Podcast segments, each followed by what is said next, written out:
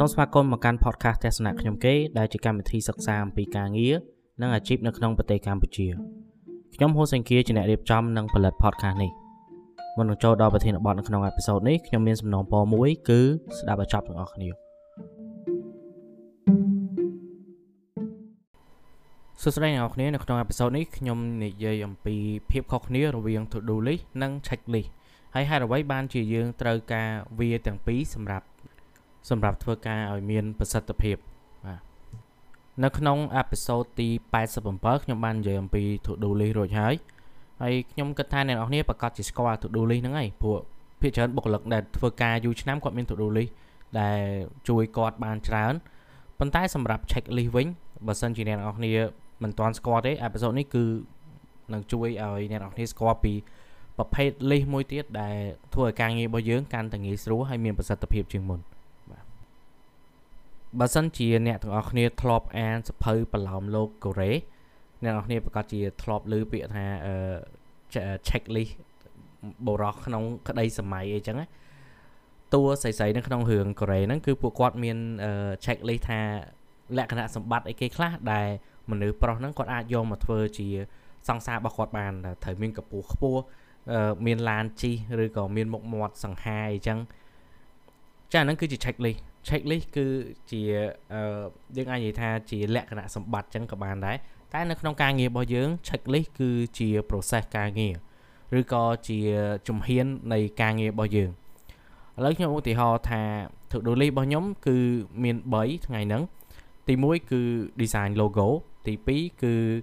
ដាក់ logo ហ្នឹងដើម្បីឲ្យគេ review ហើយទី4គឺផ្ញើ logo ហ្នឹងទៅក្នុង email ដើម្បីឲ្យ client គាត់បានឃើញអញ្ចឹងវាមាន3ហ្នឹងហ្នឹងជាការងារដែលខ្ញុំត្រូវធ្វើប៉ុន្តែ checklist គឺអាចមាន3ឬក៏អាចមានតែមួយទេ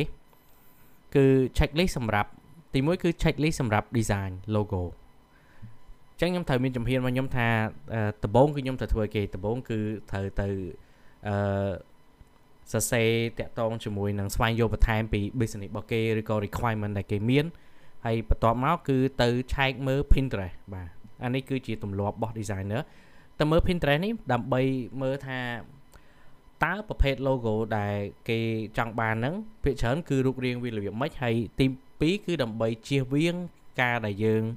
copy style ពីគេដោយមិនដឹងខ្លួនឬក៏ដឹងខ្លួនហើយយើង copy ទៀតចឹងអា step step ជំហានហ្នឹងវាអាចជួយឲ្យការងាររបស់យើងហ្នឹងមើលទៅមានមានលក្ខណៈដូចជា រៀងគួរឲ្យធុញទ្រាន់បន្តិចយើងអាចនិយាយថាអត់មានភាពច្នៃប្រឌិតទេព្រោះយើងត្រូវធ្វើតាមមួយ step មួយ step នឹងរហូតប៉ុន្តែវាជួយឲ្យយើងអត់ភ្លេចភ្លាំងចំណុចណាមួយពេលខ្លះយើងធ្វើបញ្ញាប់ពេកយើងចេះទៅមុខទៅមុខរហូតយើងបាត់កន្លែងណាមួយហើយដល់ពេលដែលលំមយើងធ្វើចិត្តចប់ហើយបានយើងនឹកឃើញថាបាត់យើងត្រូវបកមកធ្វើឡើងវិញវាខាតពេលច្រើន checklist ប្រយោជន៍របស់វាគឺអញ្ចឹងគឺធ្វើឲ្យការងាររបស់យើងមានរបៀបពីដំណាក់កាលទីដំណាក់កាលមួយទៅដំណាក់កាលមួយទៀត ជៀសវាងការភ្លេចភ្លាំងហើយធ្វើឲ្យយើងមានគុណភាពការងារបើសិនជាអ្នកនរគ្នាចង់បានគុណភាពការងារមាន checklist ជាប់ខ្លួនកាន់តែល្អហើយសួរថាតើ checklist ហ្នឹងគឺយើងត្រូវធ្វើរបៀបម៉េចខ្ញុំលើកជាឧទាហរណ៍មួយអ្នកនរគ្នាអាចមាន checklist តាក់ទងជាមួយនឹងការផ្ញើ email ថាត្រូវធ្វើអីគេខ្លះទៅថាមាន step ចំនួន10អ្នកនរគ្នា print ចេញមកក្រៅមកទៅវាយនៅក្នុង Microsoft Word ក៏បានតែ Microsoft Word វារៀងខកបន្តិចអញ្ចឹងយើងចូលទៅ Canva ហើយ search ពាក្យថា checklist អ្នកនរគ្នានឹងឃើញ template free free របស់ Canva ស្អាតស្អាតច្រើនហើយយើងយកមកកែចំណងជើងតិចទៅថា email checklist ហើយយើងវាយដំណាក់កាលសកម្មភាពអីខ្លះដែលយើងត្រូវធ្វើនៅក្នុង checklist ហ្នឹងដើម្បីមុននឹងយើង send email ទៅកាន់អ្នកណាម្នាក់ចឹងនៅពេលដែលយើងមាន checklist ហ្នឹងហើយយើងធ្វើតាមម្ដងម្ដងមួយយើងធ្វើឲ្យមួយយើងគូ tick មួយយើងគូ tick មួយរហូត ហើយយើងអាច print អា check list ហ្នឹងចេញមកក្រៅហើយអ្នកនរគ្នាយកខ្មៅដៃទៅ check ទៅពេលដែល check ចប់ហើយយើងផ្ញើ email ហើយយើងលុបខ្មៅដៃហ្នឹងវិញយើងទុកក្រដាស់ហ្នឹងប្រើតទៀតមើលទៅដូចវាសាំញ៉ាំប៉ុន្តែវាជួយឲ្យការងារយើងមានប្រសិទ្ធភាព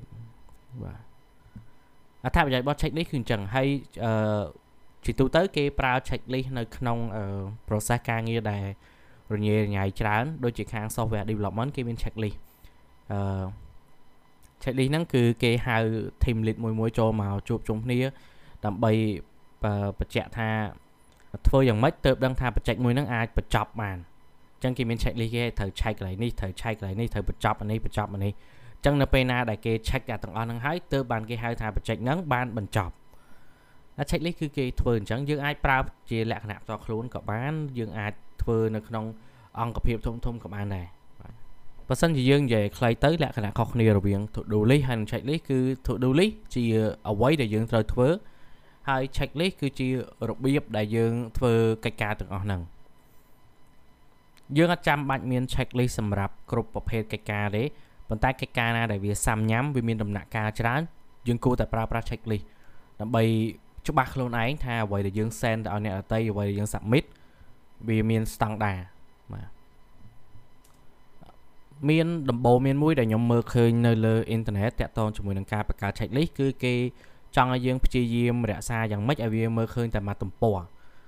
គេប្រាប់ពីមូលហេតុទេតែខ្ញុំគិតថាដោយសារតែមួយទំព័រយើងអាចងាយស្រួលក្នុងការមើលជាជាងការបើកទៅក្រោយទៅមុខទៅក្រោយអញ្ចឹងបើសិនជាមើលទៅឃើញ check ទាំងអស់ហើយមួយទំព័រហ្នឹងគឺយើងចប់បាទអញ្ចឹងដើម្បីឲ្យបាន check list មួយទំព័រអ្នកនរគ្នាព្យាយាមប្រើពាក្យឲ្យខ្លីៗទៅកុំសេវែងឡាយពេក ពួកវាជា list របស់យើងយើងគួរតែដឹងថាហ្នឹងបានន័យថាម៉េចហីឬក៏អាចប្រើប្រាស់អក្សរកាត់ខ្លះក៏បានដែរដើម្បីឲ្យមើលទៅងាយស្រួលអាន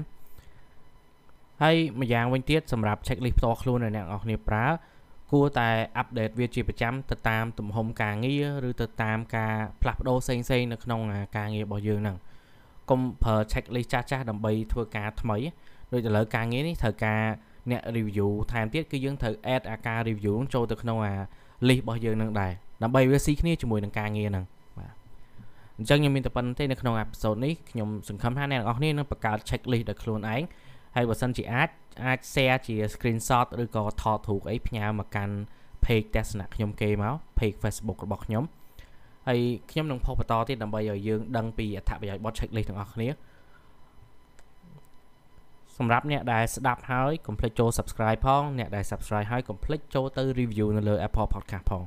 ព្រោះភាគច្រើនអ្នកដែលស្ដាប់ episode របស់ខ្ញុំគឺពួកគាត់ស្ដាប់នៅលើទូរស័ព្ទ iPhone គឺ Apple device ជួបគ្នានៅក្នុងអេពីសូតក្រោយអរគុណ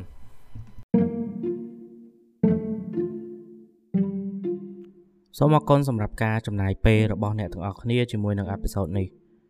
កុំភ្លេចចុច Subscribe ឬក៏ Follow podcast នេះដើម្បីទទួលបានអេពីសូតថ្មីៗទៀតសម្រាប់ព័ត៌មានបន្ថែមសូមចូលទៅទំព័រ Facebook ទស្សនៈខ្ញុំគេដែលសរសេរជាភាសាខ្មែរជួបគ្នានៅអេពីសូតក្រោយអរគុណ